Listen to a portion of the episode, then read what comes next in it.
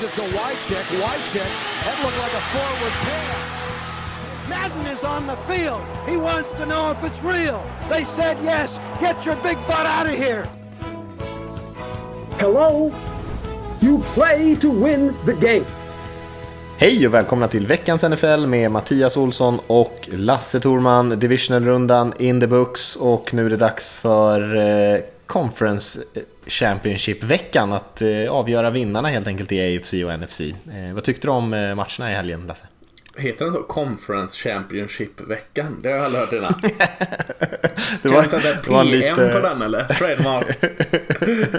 Jag tror, det var en riktig sån här, låg riktigt bra på tungan. Marknadsföringsproffs här Ja. uppenbarligen. Eh, ja, vad, var för, vad jag tyckte om matcherna var det. Nu ska jag inte eh, vara sån där jobbig jävel som säger fel på uttal och sånt. Eh, eftersom jag gör det stup i kvarten själv. Men ja, matcherna ska vi gå in på. Eh, ja, vad fan. Eh, lite mer poäng på tavlan i alla fall. Eh, Tycker jag väl. Såg väl tendenser på offensivt spel. Eh, vilket lös med sin frånvaro veckan innan så, så det, var, det var ju trevligt såklart. Eh, sen var det såklart en besvikelse att eh, jag tippade fel i att Dallas inte gick och vann. Det, det, det tyckte jag var tråkigt. Men eh, jag är lite sådär emot att falla med flaggan på topp. Eh, det, det, varför ska man falla överhuvudtaget? Men eh, kan man dra in det där så tycker jag ändå Dallas kan göra det. Så. Eh, kanske de två NFC-islagen kan falla med flaggan i topp mer än de andra som förlorade. Ja, kanske det är så. Men det var ändå, eh, du gjorde ändå rätt i att tro på det. När jag tippade emot Seahawks här så, eh, så hade jag ångest hela, hela helgen där. Även fast jag hade rätt i att Cowboys vann sen över Seahawks så var det Ah, okej. en jobbig känsla att tippa emot eh, mot sitt eget lag. Så, där. så jag tycker ändå du ska ha heder för att du stod, eh, stod, stod vid dina, ditt favoritlag och höll på dem in i det sista ändå. Trodde på dem. Ja, ändå fint att du har sån ångest. Jag glömmer fem minuter efter att jag spelat in avsnittet exakt jag tippar. Jag ser att folk jättegärna går ut och säger att de har x antal rätt och x antal fel. Eh, Jag har aldrig någon susning vad jag tippar eller inte. Eh, Pratar, så, mycket, pratar så mycket strunt så jag tippar säkert åt båda håll i olika diskussioner. Så att, eh, vi får se. Men det som sägs här får väl gälla då kanske. Nu är det enklare att komma ihåg. Har inte så mycket matcher kvar. Det är sant, det är sant. Eh, vi ska komma in lite grann på vad som händer i de där matcherna för det finns ändå några saker att säga om dem och vi har inte tänkt oss så mycket annat än att vi kör en liten recap på divisional-rundan och sen pratar helt enkelt i eh, lite mer detalj om de eh, conference-finalerna som spelas här också nu i helgen på söndagen. Men vi kan ta några snabba nyheter där. Är, vi pratade om coacherna, nya coacherna i NFL förra veckan och eh, det gick ju väldigt fort. Och det har gått fort även att fylla de två sista, vad vi tror. Än så länge är det inte officiellt, men det verkar som att även Bengals och Dolphins har hittat varsin favorit. Och det är väl lite mindre kända namn skulle jag vilja säga. Jag skulle nog nästan våga påstå att eh, 90% av NFL-fansen kanske faktiskt inte ens har koll på de här eh, personerna överhuvudtaget. Bengals verkar ha siktat in sig på Rams quarterback coach Zach Taylor, en, en ung oerfaren kille och Dolphins verkar ha siktat in sig på Brian Flores som är linebacker coach slash lite defensiv koordinator i Patriots. Ja, du säger att 90% inte har koll på detta. Jag vänder på det och säger att det finns mer än 10% av alla NFL-fans som är på Patriots. Så alla som är på Patriots har ju koll på, borde ha koll på Brian Flores i alla fall. Som har gjort ett bra jobb där. Eh, ja, det är spännande. 37 år eh, i Flores och 35 år i Zach Taylor. Hur gammal är eh, gode Carroll i, i Seahawks? Oj herre, han är gammal, gammal, gammal. Närmar sig väl eh, 70-snårig snart. här. Ja, jag tänkte de ihop har eh, samma ålder som eh, Carroll i Seahawks där. Eh, ungt är på tapeten. Eh, det är väl inget fel i det. Behöver man inte anställa bara på grund av att de är unga. Men eh, prata lite om de här. Eh, Vi kan börja på Brian Flores då som, som väl är någon form av, eh, de jobbar ju inte så DC-OC på det sättet i New England Patriots. Så han är linebacker coach, har lite safe, varit safety coach innan där också i eh, Patriots och som du sa kallar, kallar spelen på defensiva sidan av bollen. Så att han är väl nära nog att vara defensiv koordinator i, i eh, Patriots där. Eh, har aldrig lämnat eh, Bostonområdet känns det som. Alltså han, han har varit i Patriots ända sedan 2004 och, och spelade sin college i Boston College. Så han är verkligen Boston.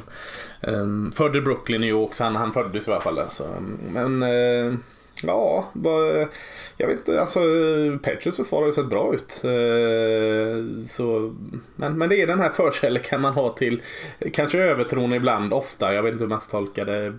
Brian Belichicks eh, underhuggare. Var, var, att de, de eh, säljs lite högt ibland här. Är, är det ytterligare en sån vi, vi ser här kanske? Kan vara så. Det lät nästan som att du sa Brian Belichick där. Du tänkte ja, kanske, kanske på Flores. Men, Ja. Eh, men jag, jag håller med dig med både, man kan säga om båda de här coacherna kanske att eh, de eh, anställs säkert mycket tack vare för att de jobbar under just nu, eller ja, just nu, två väldigt duktiga huvudtränare i alla fall. Och Flores, jag är emot sjukt. honom. Eh, Ja, och det är nej, väldigt alltså mycket att, eh, Man kan förstå att folk liksom ser på Bill Belichick, vad hans legacy har byggt upp där. Men liksom Sean McWay, vad fan, är han 35 år än själv liksom? Och hur mycket har han hunnit liksom eh, forma sina undertränare liksom? Det, det känns sjukt liksom att ta ur Sean McWay-trädet redan. Eh, jävligt konstigt. Ja, verkligen. Sen en liten buske snarare än ett träd där. Ja. Men, eh, jag har ingenting emot Flores, men som sagt, eh, alltid lurigt att ta de här Patriots-assistenterna. Det är väldigt få som har lyckats på andra platser. Eh, och ja, det, vi får väl se helt enkelt. Man vet ju inte så mycket om de här assisterande coacherna som har någon position sådär och man får inte veta så mycket om dem. Patriots-fansen kanske har lite bättre koll på honom än vad vi andra har, men eh, verkar ju vara en, en, en bra ledargestalt, en, en duktig coach så, men mer än så vet vi inte. Samma sak kan man säga Zach Taylor där har ju absolut ingen eh, meritlista som gör att han skulle vara kvalificerad för ett huvudtränarjobb. Eh, Bengals å andra sidan ganska Ja, tvärtom. Och Bengals är ju en väldigt konservativ organisation, så jag är väldigt förvånad om de nu faktiskt går igenom och anställer Taylor här. Eh, brukar inte alls vara den här typen av coacher Nej. som de siktar in sig på. Och han som sagt varit där med Sean McVay, men Sean McVay har ju själv inte coachat speciellt länge. Han är bara 32 år gammal McVay än så länge. Så att, att han har ett, ett träd överhuvudtaget är ju eh, ganska konstigt, men han börjar få det nu. Och eh, Zach Taylor är säkert en jättebra eh, QB-tränare. Men eh, det är mycket andra saker man också måste vara bra på när man ska vara eh, head coach i ett lag. Så är det såklart. Lite nyfiken. Det roliga eller eh, jobbiga om man nu är på, på, är från Cincinnati. Jag tror inte det var så många lyssnare som aktivt bor i Cincinnati. Så, eh, men men eh, han var ju offensiv koordinator så sent som 2016 i eh, Cincinnatis eh, collegelag, Cincinnati Bearcats. Och gjorde ett riktigt dåligt jobb. Alltså, han fick bara vara där ett år som OC i, i, i Bearcats. Eh, så liksom jag, jag förutsätter att det, att det är många Cincinnati Bengals-fans som även har sympatier för Cincinnati Bearcats i collegefotbollen. Och de har ju absolut inget gott minne från honom. Han, det var bland de sämsta offensiven i college när han var där och styrde ett år. Och Cincinnati Bearcats eh, var jättebra i år under en annan OC. Så att, eh, att han kommer tillbaka till Cincinnati där han eh, totalt eh, misslyckades med collegelaget och nu blir huvudtränare för NFL-laget. Det, det behöver inte betyda så mycket men det är ganska roligt liksom. Eh, Många har nog en bitter smak eh, efter hans eh, korta tid i collegelaget. Man kan väl lugnt säga att han måste vara en eh, ganska imponerande eh, person sådär och, och intervjua om han har Ja, jag lyckats tänkte landa ett sånt här Bra jobb. på för det- intervjuerna, framförallt som du säger i konservativa Bengals. Och ta en sån här eh, chansning. Så ja, han visste nog vad han skulle säga och var betydligt bättre med tungan än vad du och jag är. Eh, ja, ja, Ja, det, men det får man verkligen hoppas. Ja, lite nyfiken. Man blir ju så här när, när, när Bengals tar en sån här eh, oväntad som de ändå inte är kända för. Liksom, eh, med QB-känsla. Kommer han för att hjälpa Dalton här eller kan planen vara kanske att ja, nu är det dags för ny QB som, som han ska bygga laget kring och eh, liksom polera upp och, och eh, få igång något helt annat Bengals. Så det är lite spännande att se vilken riktning de tar där också. Ja, verkligen. Och det blir ju nästan en helt ny organisation där för att Marvin Lewis som lämnar, han kommer ju fortfarande ha, i någon kapacitet jobba med eh, i organisationen fortfarande. Ja, så är Men det han har ju i stort sett han har i stort, i stort sett varit general manager i Mm. Bengals samtidigt som han har varit huvudtränare. En av få coacher i NFL som har haft båda de rollerna egentligen. Mm. Så att eh, det är ju ganska stora förändringar som sker i Cincinnati just nu. Så att det är Mm. väl möjligt att man kanske är sugen på att eh, gå över in i en ny era och drafta Mm. en ny QB som du säger. Ja, vi får se. Eh, vi har inte så mycket mer nyheter, det har hänt lite grann på den assisterande coachfronten. Vi sa att Gary Kubiak var på väg in i Broncos förra veckan och det visade sig att den eh, dealen eh, gick i stöpet och de letar vidare. Och så har vi sett Nathaniel Hackett som har varit OC i Jaguars här gå upp och ska bli OC i Packers. Lite andra sådana där små nyheter som har trillat in men kanske ingenting som är värt att göra någon större kommentar om. Hackett tycker jag känns lite kul. Han tycker han har gjort ett ganska bra jobb med en tuff situation i Jaguars med både Blake Bortles som QB och en kass offensiv linje. Ja, man hakar väl kanske upp sig lite för mycket på att han trodde lite för länge på Black Bortles. Eller i alla fall in public trodde lite för länge på Black Bortles. Där, mm. Och det får man inte göra för att som du säger, han har, han har eh, gjort det bra där med, med en ganska begränsade resurser eh, i eh, just Jacksonvilles offensiv. Så att, eh, nej, helt klart spännande. Mm, mm. Ska vi hoppa in och säga någonting om divisional-matcherna? Det, det, om man får vara sådär lite lite sådär neggig så, så kan man väl säga mm. att det kanske inte blev riktigt den här helgen som vi hade hoppats den här gången heller. Jag tycker wildcard-helgen var ju lite av en besvikelse och även divisional-helgen var lite av en besvikelse tycker jag i mm. spänningen i de här matcherna. Det var några matcher som blev riktigt bra, kanske framförallt den sista. Eh, men i övrigt så kändes det ändå som att eh, det var rätt tydligt tidigt vilka som skulle vinna. Eh, och eh, favoriterna vann i varje match. Hemmalagen, de som hade haft bye week eller spelade på hemmaplan vann i alla matcherna. Eh, ja, vi kan väl egentligen börja med Colts Chiefs-matchen där eh, det var en riktig utklassning egentligen. Chiefs vann till slut med 31-13 mot ett väldigt, väldigt blekt Colts som faktiskt inte gjorde en enda poäng med sitt anfall förrän i fjärde kvarten.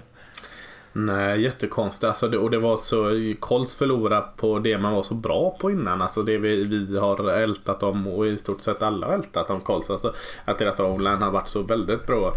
Eh, var utan tvekan deras sämsta match för året, eh, Colts offensiva linje. Eh, kunde inte alls hantera D Ford som var fantastiskt bra i Kansas City Chiefs och gamle Houston vaknade till liv också där. Så att eh, de förlorade klart eh, matchen på linjerna och spelade inte alls så bra som de gjorde mot Houston bara veckan innan. Så det var en jättestor besvikelse. Andrew Luck hade ju knappt några passyard fram till eh, fjärde kvarten så att han, han hade inte mycket att arbeta med.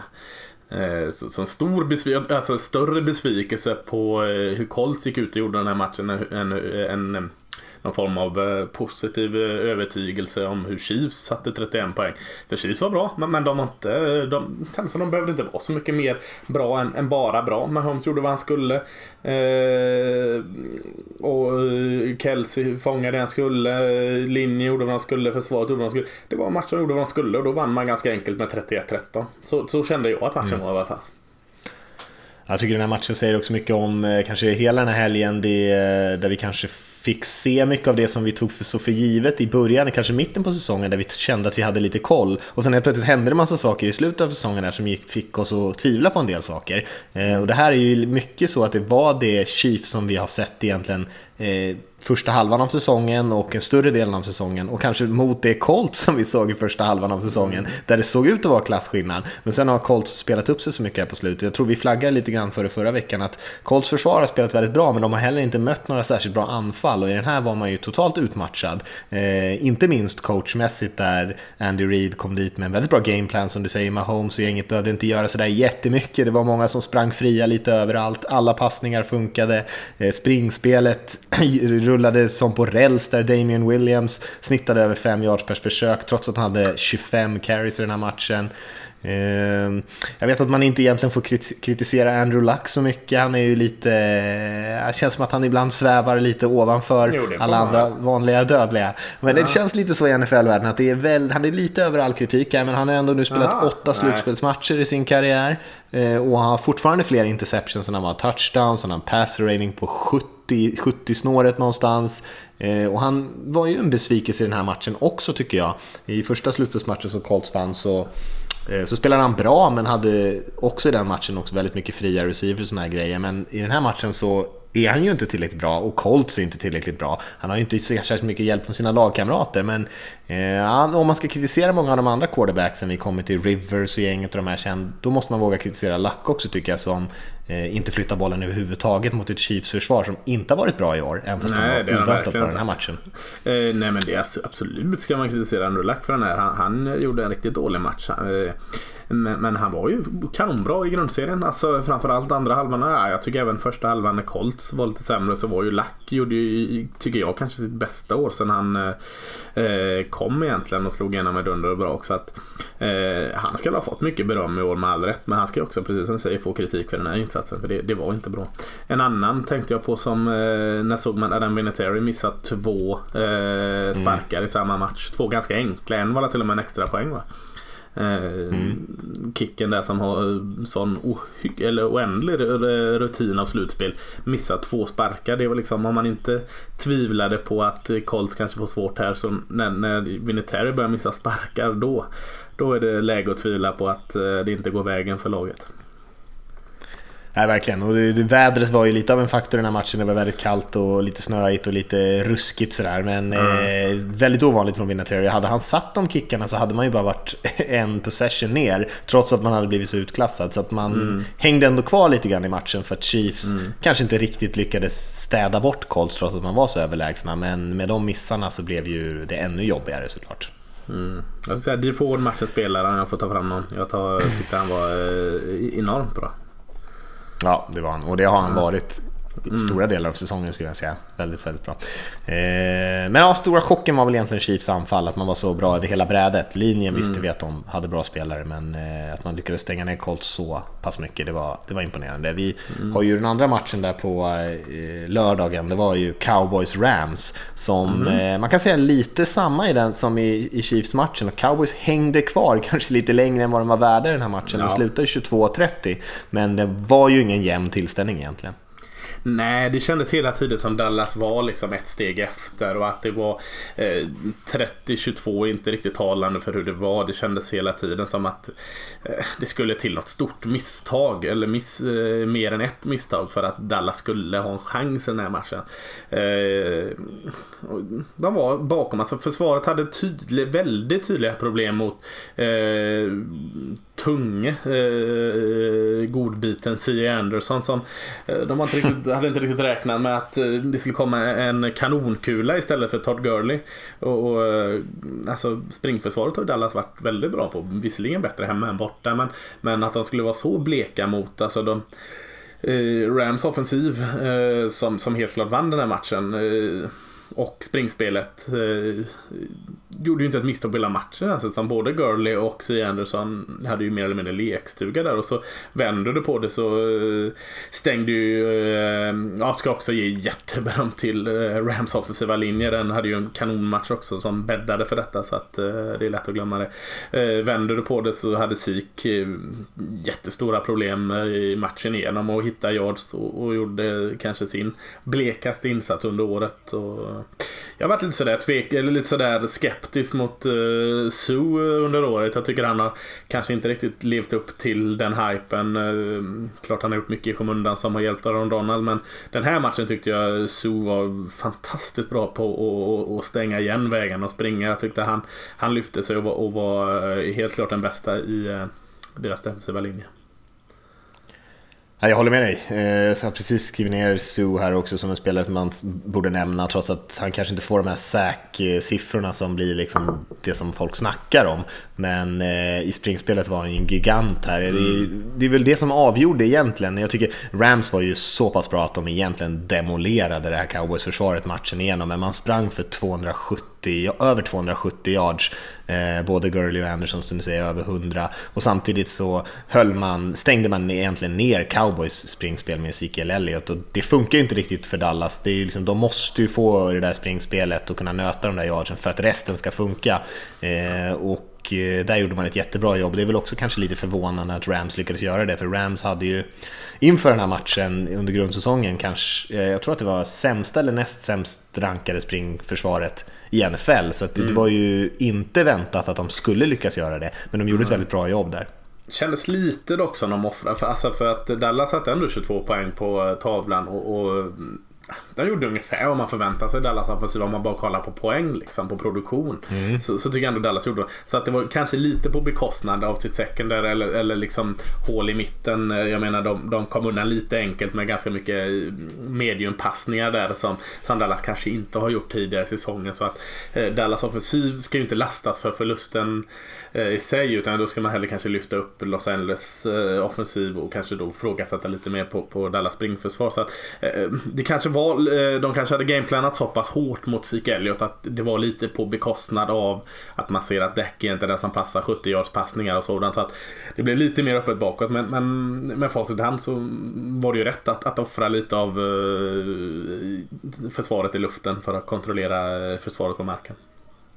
Ja, helt klart. Jag tycker båda de här matcherna som jag pratat om här så får man ju också säga att det fanns ju en risk, så jag tror vi nämnde det kanske också förra veckan, att det, när man har Andy Reid, Sean McVay, duktiga offensiva coacher som får en extra vecka och preppa och sådana här grejer, eh, att de kan komma på lite speciella grejer och det, det, gör de ju i den här matchen. Chiefs tycker många spelare som sprang fria över hela banan och i den här matchen mot Cowboys, Rams springspel, många kreativa lösningar och mycket fakes och eh, sådana här grejer för att dra isär cowboys-försvaret. Så att man hade ju en väldigt bra gameplan där offensivt mm. mot det här Dallas-laget som, eh, som gjorde att man kunde göra det här. Och som du säger med Wade Phillips och gänget i försvaret, att välja att ta bort det som kanske är cowboys största styrka, eh, gjorde ju att även fast man inte vann med stora siffror så räckte det ju för att hålla undan. Ja, absolut. Bra, bra match Ja, håller med dig. Eh, Chargers Patriots blev ju däremot inte en så bra match. Eh, många som hade hoppats och kanske trott också på Chargers att de skulle komma in i Foxborough och skrälla. Nej, nej, nej, sa Patriots och eh, körde ju över Chargers som att det var ett pee lag nästan på andra sidan anfallsmässigt.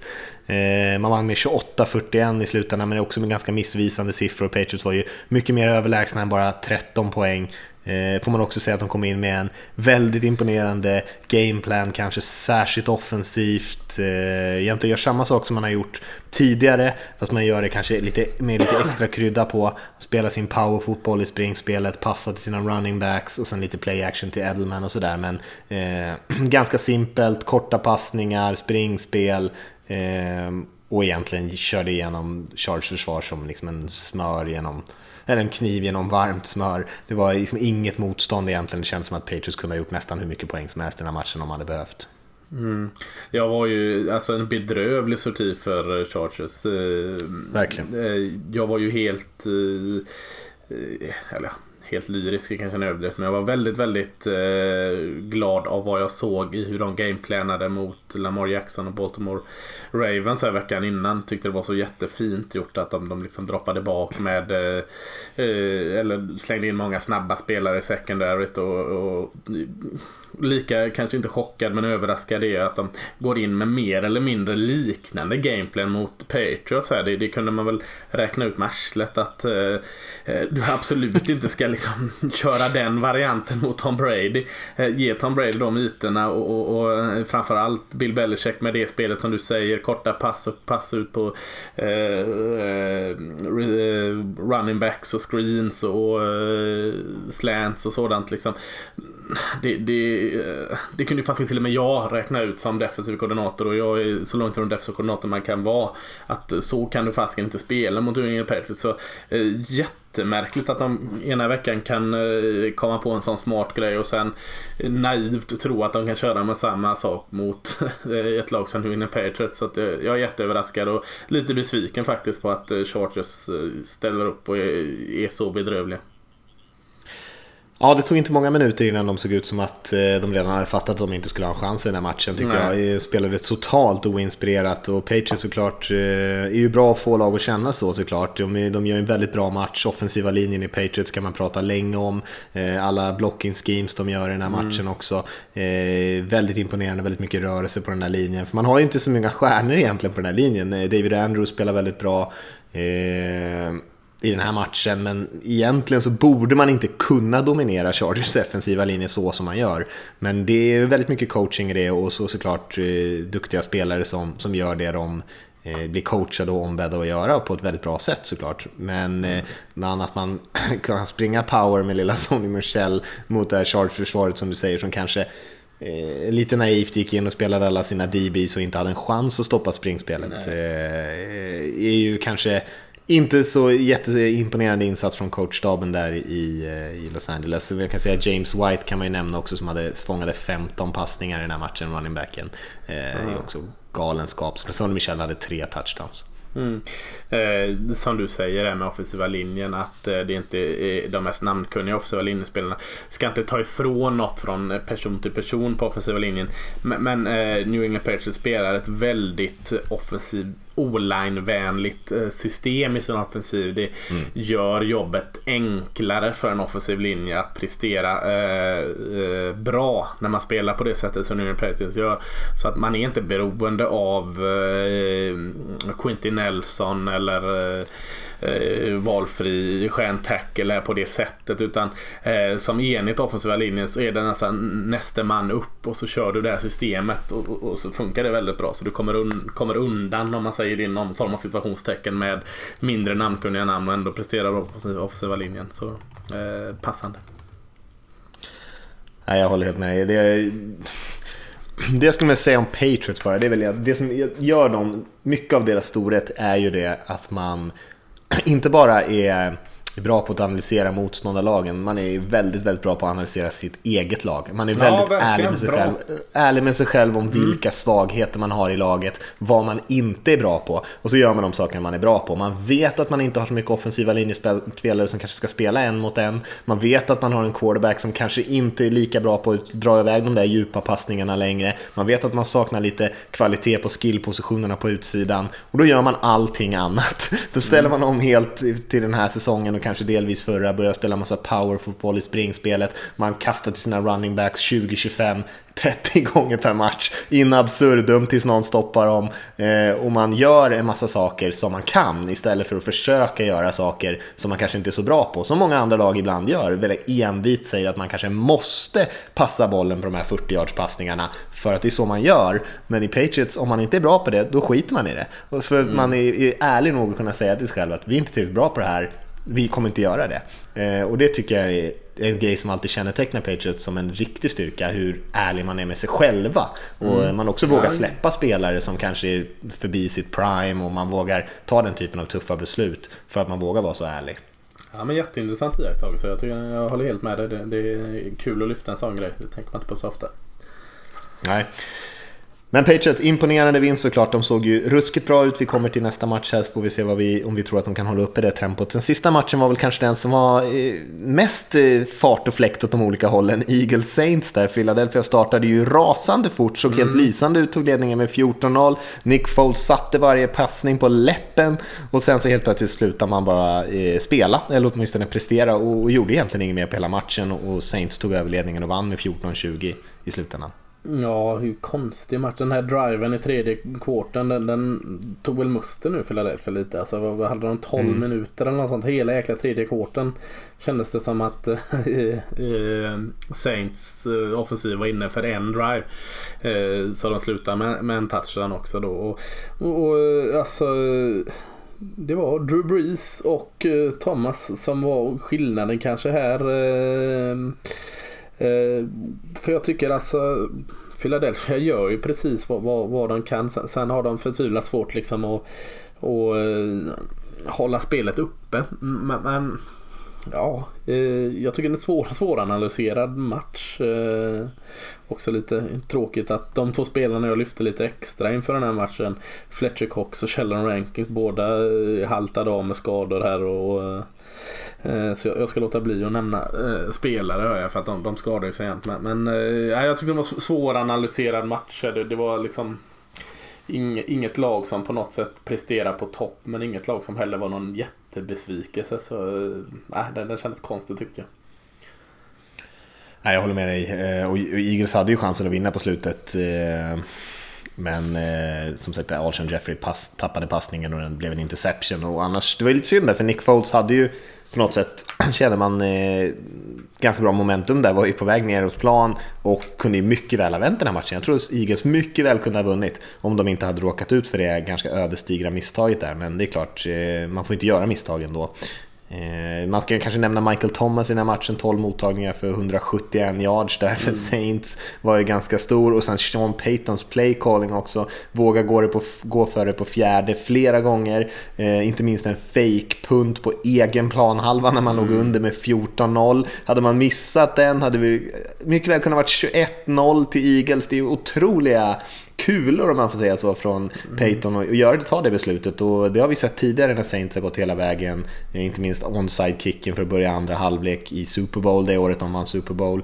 Eh, så han är ju verkligen inte rädd för att ta de här tuffa besluten. Och det var ju tur för honom att de lyckades. Och eh, det var ju mycket av det som vände matchen. Den typen av självförtroende, kaxiga beslut och sen den här långa serien som du nämner som tog musten ur Eagles egentligen. Mm. Ja, nej, det, det är bra analys av något. Jag tycker Saint Secondary är fantastiskt bra. Bortglömt. Eller kanske inte Verkligen. bortglömt, men Lä pratats för lite om det.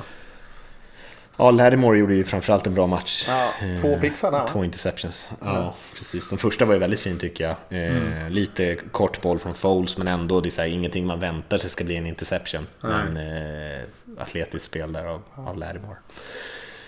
Ska vi ta och hoppa in på de matcherna som faktiskt inte har spelats än alltså, mm. kanske? Mm. Eh, så får man ändå säga så här att jag skulle säga att det är de fyra bästa lagen från den här säsongen som är kvar. Det är också de fyra som har gjort mest poäng och det tycker man att det låter kanske självklart att det brukar vara så, men det har aldrig hänt förut sen The Merger i alla fall, att de har de fyra toppscorande lagen i konferensfinalerna. Så vi har ju Rams hos Saints då som spelas först och sen har vi Patriots hos Chiefs. Så eh, ja, vi, vi, har ju sagt det nu alla helger här, trots att vi har blivit lite besvikna. Men det är ju höjda matcher. Ja, absolut. Eh, det finns ju ingenting att klaga på och det är väl de fyra bästa lagen som är här. Och det, Eh, kanske lite tråkigt att, att inte ha det där eh, underdog-laget som alla sluter upp och hejar på. Det, det, är väl den aspekten då som kanske är lite tråkig som Eagles var förra året och eh, brukar alltid få något lag lite längre än väntat med, med någon sån här Cinderella story och, och kanske avsaknaden av det då men, men eh, nej, det, det är två eh, på förhand undermatcher. Mm. Jag håller helt med dig. Eh, om vi ska börja med Rams-Saints-matchen var såklart de två av ligans bästa anfall. Det är ju, alla de här fyra lagen har ju otroliga anfall, i alla fall i poängmässigt. Eh, och eh, den spelas ju i New Orleans, vilket såklart kanske känns som att de får liten edge där. Vad är din spontana tanke kring den här matchen? Ja, jag kan ta lite eh, snabb fakta här först och bara för att liksom säga mm. vart vi är någonstans. Båda lagen är 13-3 under säsongen är i slutspel inräknat. Eh, vilket eh, gör att de är 14-3 båda här. Rams tre förluster mot just New Orleans Saints borta, mot Chicago Bears borta och mot Philadelphia hemma. Eh, vilket gör att man har två av tre av sina förluster på bortaplan. Saints förlorade hemma mot Tampa Bay, förlorade borta mot Dallas och hemma mot Carolina. Så man har två av sina förluster på hemmaplan faktiskt. Man pratar jämt om att stärka Saints i eh, Superdome där i New Orleans. Så att, eh, jag vet inte om det är något att, att liksom haka upp sig på. Men man kan ju då, eh, det jag nämnde där att eh, Rams faktiskt förlorade tidigare i år med 45-35 mot New Orleans Saints i New Orleans här. Så att man kanske kan kolla tillbaka 4 november var den, så det var inte allt eh, vecka 9 så den är ju inte helt aktuell men inte heller vecka 1. Eh, var en tokig offensiv. Eh, eh, Breeze passade för fyra touchdown. Men matchen var jämn. Eh, Eh, men, men det har hänt en del där. Jag tycker båda de här två lagens försvar, framför allt och Saints kanske, har steppat upp betydligt mer sedan den matchen. Och, eh, jag tror inte vi kommer få se eh, 45-35 eh, till något av lagen den här matchen. För det känns som försvaren är bättre. Eh, annars kommer två lag som är ganska fria från skador. Shannon Rankins då eh, stort avbräck för, för Saints. Men Eh, ja, kan man säga så att det är offensivglada Los Angeles Rams mot hur konstigt det än låter defensivt starka New Orleans Saints? Kan man säga så ens med Drew Brees och Thomas? Nej, det tycker jag inte. Eh, men försvaret är bättre än Rams ja. försvar, i alla fall om man sett över hela säsongen. Men eh, de är nog nästan lika starka som Rams offensivt tycker jag. Kanske inte riktigt lika mångsidiga, men nästan. Det är, ja, Mm. Nej, det kanske är lite väl förenkligt av, förenkling av Saints där, men de kanske är lite mer balanserade ja, än Rams. Nej, det, det, är, det är tufft det där. Uh, ja, men, men det, det, som är intressant med eh, då kanske matchupen här är att uh, om, om Saints defensiv nu är en, en betydligt mer stark lagdel än vad, vad, Rams defensiv är så, så är det kanske lite framförallt nu när Sheldon Rankins har försvunnit och blir skadad. Saints secondary som vi var inne på kanske är deras starkaste grej och, och vad vi såg av Rams senast så är ju, är ju springspelet här numera med en kombination C. Anderson och Gurley Eh, deras starkaste offensiva vapen. Så att eh, även att eh, Saints eh, defensiv har ett upp på Rams defensiv så, så kanske inte är den där matchupen man riktigt önskar sig ändå. Om man är Saints. Nej, alltså, alltså det blir ju inga lätta motståndare när man kommer så här långt in i slutspelet såklart. Men Eh, Eh, jag tror att de kommer få svettigt och sakta ner Rams. Jag tycker att det är ett annat Rams nu än vi har sett de senaste veckorna. var mycket mer fysisk och det var väl någonting som man hade pratat om också att man ville bli. Att det var viktigt att man tappade den eh, delen av sitt spel.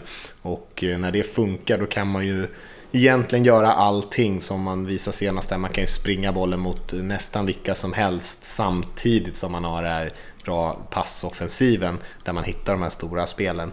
Uh, och då är det ju lite av det här Rams från början av säsongen som nästan inte gick att sakta ner. Jag tror mm. att Saints kommer kunna skjuta ikapp med dem nästan oavsett vilken typ av siffror vi kommer upp i. För jag tror att Drew Brees kommer kunna manövrera ut det här Rams-försvaret. Uh, men det kommer bli svettigt för Saints. Jag håller dem som lite, lite favoriter på hemmaplan. Men det är inte sådär jättemycket. Det är ändå... Uh, det är två jämna lag och hemmaplansfördelning kanske väger över där. Men det ska bli extremt kul att se vad de här coacherna kan hitta på. Eh, vi är återigen inne här och pratar om två av de bästa offensiva coacherna som vi har i ligan. Och eh, viktigt för Saints tror jag att få igång Camara och, och, Ingram lite grann och kontrollera tempot lite grann. Precis som man gjorde med den här långa driven. Eh, med den här långa driven som man hade senast, att eh, kunna hålla igång dem och kunna springa bollen lite grann också, inte bara försöka eh, konvertera långa tredje down med Breeze. Mm. Och, ska man vända på det lite här då, eh, om vi, vi, pratade Saints försvar mot Rams offensiv, om vi ska prata Saints eh, offensiv mot Rams försvar så, så är eh, hur gameplanar man är efter receiven Michael Thomas, jag menar han Eh, fångade för 211 yards sist de här två lagen möttes och 171 yards eh, förra helgen. Så att eh, ja, de, de, får nog komma på på något sätt hur man liksom ska eh, eh, få bort så mycket man kan om Michael Thomas som möjligt. Alltså för att eh, han är en enormt effektiv wide receiver under hela året och framförallt glödigt just nu. Ja, ja, jag tror det viktigaste, viktigaste mot Michael Thomas tycker jag är att eh, begränsa de här yardsen som man får efter mottagningen. För han fångar ofta bollen kanske sådär 7 mm. yards eh, ner i planen och sånt där. Och så blir det 15-16 yards varje gång. Han tar ju några långa passningar också, men det, han är väldigt bra efter mottagningen. Plockar alltid upp ett gäng extra yards. Så att bara eh, försöka få ner honom på marken tidigt och inte låta honom plocka upp de där extra yardsen hela tiden. För det gör han nästan varje mottagning. Det tror jag är viktigt eh, för Rams-försvaret. Mm. Ja, jag ska tippa något. Alltså, sunt förnuft säger, eller liksom min, min, spontana tanke är att Saints vinner denna hemma. Men, men någonting i mig säger att Rams tar detta ändå. Liksom. Eh, Eh, jag ser framförallt när Sheldon Rankins är borta där och, och, jag ser inte att de, liksom hur de på något sätt ska få stopp på det här springspelet eh, som Rams kommer. Och att Sean McWay, visserligen Sean Payton också, har något mer upp i sin, sin rocker med. Så att, nej, jag, jag, ut med hakan så säger jag Rams bara för skojs skull. Men, men eh, det är mer någon form av magkänsla än någonting annat där. Eh, så, så, så, jag säger Rams här faktiskt. Mm. Jag förstår det helt. Jag har jättesvårt att bestämma mm. mig. Jag skulle, jag skulle, absolut kunna tänka mig att eh, lägga min röst på Rams här. Jag tycker att det är så pass, två pass, så pass jämna lag. Eh, jag kommer kanske hålla lite grann på Rams här. Jag, jag föredrar nog dem tror jag före Saints eh, som, ett, som ett lite roligare lag ändå. Och som du säger, Rankins är en stor förlust. Jag tror inte att Saints-försvaret kommer kunna sakta ner Rams riktigt lika mycket som de lyckades sakta ner Eagles här senast. Eh, men det är ändå Drew Brees mot Jared Goff. Goff har gjort en fin säsong, spelar bra, men eh, ja, det är det kan definitivt... Ja, kan definitivt bli störd. Han kan göra mm. dåliga matcher, han kan försvinna lite grann ur matcherna. Eh, men kan man springa bollen så, så begränsar man lite grann Goffs inverkan på matchen och den här diskrepansen kanske mellan quarterbacksen, hur mycket Breeze är bättre än Goff. Det försvinner lite grann om de andra delarna klickar. Jag kan väl säga Saints då, så blir det lite roligare mm. att tippa hemmalaget. Eh, tror att Drew Brees ändå löser det här i slutändan. Sean Payton vågar ta de här besluten och gå på fjärde. Eh, har egentligen ingenting att förlora när man väl möter ett väldigt bra lag här. Eh, de har ju redan en Super Bowl-vinst, båda de två veteranerna där i, i bakfickan. Eh, så kanske kommer fram lite, lite rutin i den här matchen. Mm. Ja, spännande ska det bli i alla fall. Mm, verkligen. Ja, jättekul match såklart. Mm. 00.40 där, inte sådär supersent om man ändå orkar sitta uppe. Så har vi Nej. Patriots eh, på bortaplan mot Chiefs. Det är lite skönare med 00.40 kickoffen där än 02.40. För den kan vara lite svettig där på måndag morgonen. Men, eh, mm. men här kan man ändå eh, pallra sig upp och koka en kanna kaffe. Ja, men det, det går ändå att överleva den här. Ja, eh, ja eh, lite snabbt. Eh, Patriots 11-5. Eh, 12-5 med vinsten senast. Casey 12-4, 13-4 då med vinsten senast. Eh, jag orkar inte dra alla förluster här men, men, men eh, lite kul grej, eller kul grej, lite liten intressant grej. Det har varit mycket snack med all rätt om hur starka New England är hemma. Man har eh, vunnit rubbet där. Eh, och, då kan man då räkna ut att eh, man har fem förluster så fem av åtta matcher, bortamatcher då har man faktiskt förlorat. Så man kan ju vända på den här grejen att visst Patriots är enormt starka hemma. Eh, men att betydligt skakigare på bortaplan. Chiefs har eh, förlorat eh, fyra matcher totalt, en hemma. Man har förlorat med tre poäng, tre poäng, en poäng och sju poäng. Så att man, man har inte förlorat, man har inte blivit överkörd än. Så att eh, räkna inte med någon form, av, någon form av överkörning här från New England om man nu ska tro på dem här. Båda lagen möttes vecka 6, 14 oktober i eh, Bostonområdet. Där vann New England till slut en jämn offensiv kamp. 43-40 blev det där. En riktigt bra match kan jag säga att det var en av en jag kommer ihåg. Man brukar inte komma ihåg de här eh, 6-7 första veckorna eh, om det inte är ens eget lag. Men, men den här matchen jag kommer verkligen ihåg. En sån offensiv shootout. Eh, när New Orleans ägde en halvlek och Chiefs ägde en. Både med Holmes och, och, och Brady var kanonbra. Eh, Eh, det var ett sent field goal här som avgjorde eh, för New England där i slutet. Alltså, det var en kanonmatch där så vi, vi hoppas att vi kan få något liknande. Den tycker jag. Eh, annars har vi det är väldigt mycket intressant tycker jag denna matchen. Eh, förutom eh, att Andy Reid och Bill Belichick har någon form av fight om sämst klädda coach i NFL. Så mm. det är tur att de inte har någon ansvar på modeveckan i Milano eller något. Så, så är det två helsikes bra tränare. Så då, då skiter, borde, borde alla skita i hur de klär sig eller inte klär sig. För att eh, träna skiten ur sina lag det kan de eh, göra i sömnen. Så bara det tycker jag är en bra matchup, alltså coach-matchupen här. Eh, och, och, man pratar gärna om Patrick Mahomes här eh, och, och hoppat på det tåget, det man såklart ska göra. Han har haft en helt magisk säsong, fantastisk. Men Tom, Tom Brady och Bill Belichick har vunnit Super Bowl fem gånger. Alltså fem gånger, det är helt otroligt. Eh, alltså man, eh, det är lätt att glömma det där. Alltså, de har varit i de här matcherna så, så många gånger förut. Alltså, jag tror det är åttonde året i rad. Man, man är i, i conference-final. Kan det stämma? Han kan vara nionde till och med. Nionde eller åttonde, alltså bara det, det är helt sjukt. Kansas City var i konferensfinal senast 1993. Så att, att bara, att, visst man ska inte hocka upp sig på historien allt för mycket och, historia är historia av anledning. Men att de här två, Tom Brady och Bill Belichick och såklart en rad andra Patriots-spelare har så enormt mycket rutin med sig som liksom kommer in med den här grejen. Jag hörde Tom Brady sa något citat uh, eh, någonting We played them earlier this year uh, and I think ev uh, everyone thinks we sucks and we can't win any games bla bla bla. Jag tycker alltså uh, ha, har Patriots tagit den här rollen nu att de ska köra det här som Philadelphia körde att när vi är underdogs här och uh, känner, slänger Tom Brady sig med sådana citat så märks det att han är ett lag som har varit bortskämda länge med att vinna mycket. Om man säger we, we, we, we can't win any games säger folk liksom när någon lite har frågat att om Patriots kanske inte är så bra som de var för tre år sedan. Så att, eh, nej, man, man får inte glömma det här. New England Patriots är eh, fortfarande jäkligt bra. Även om man ifrågasätter att vissa grejer kanske inte är lika bra som det var för mm, två år sedan, tre år sedan, förra året. Så mm, ja, när de är så här långt in i en säsong så, så får man fasken inte räkna bort eh, rutinen som de sitter inne på.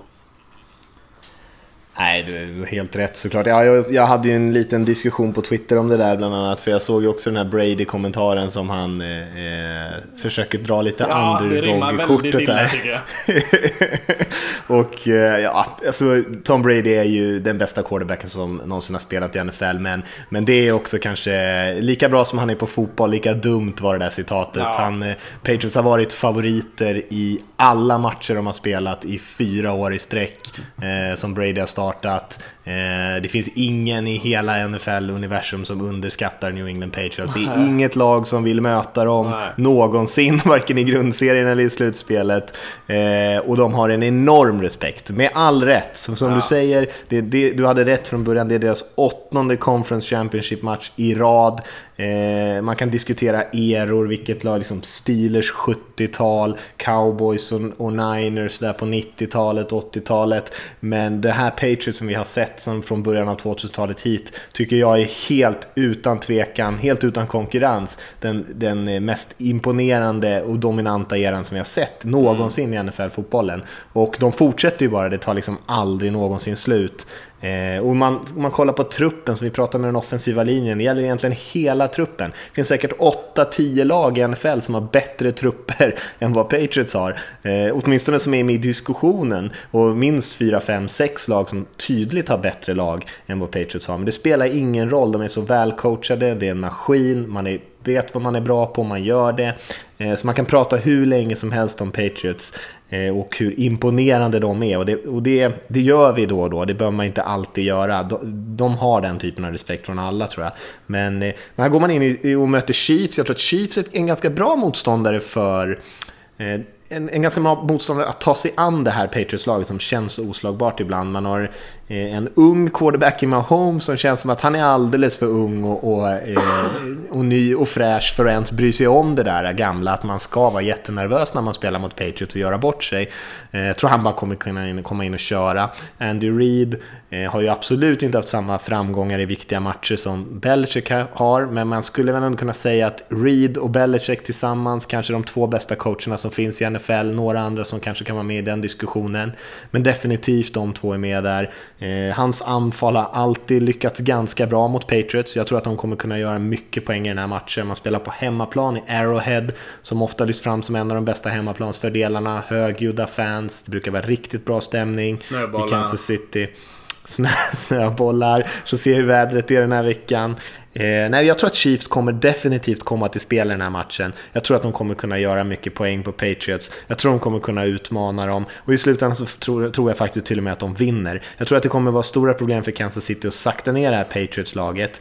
Eh, och ja, det är en jämn match det här. Jag blir inte förvånad vilken som än vinner. Eh, men eh, tror och hoppas lite grann på att Chiefs, som eh, inte har sett så mycket framgångar på länge, kan, kan ta den här vinsten mot Patriots. Man är favoriter där hemma också av en anledning. Man har spelar väldigt bra i år.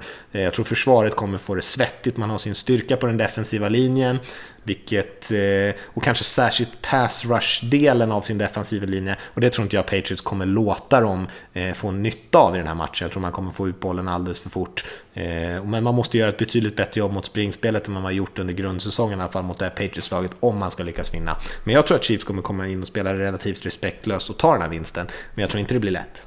Ja, jag hoppas du har rätt. För att, eh, Alltså när ett lag har varit så dominerande så är det ju självklart att eh, vi som inte hejar på dem sitter och letar efter, hoppas att den här storhetstiden kan ta slut. För det är ganska tråkigt om man inte är Patriots. Att om och om igen se det jävla Patriots spela Super Bowl.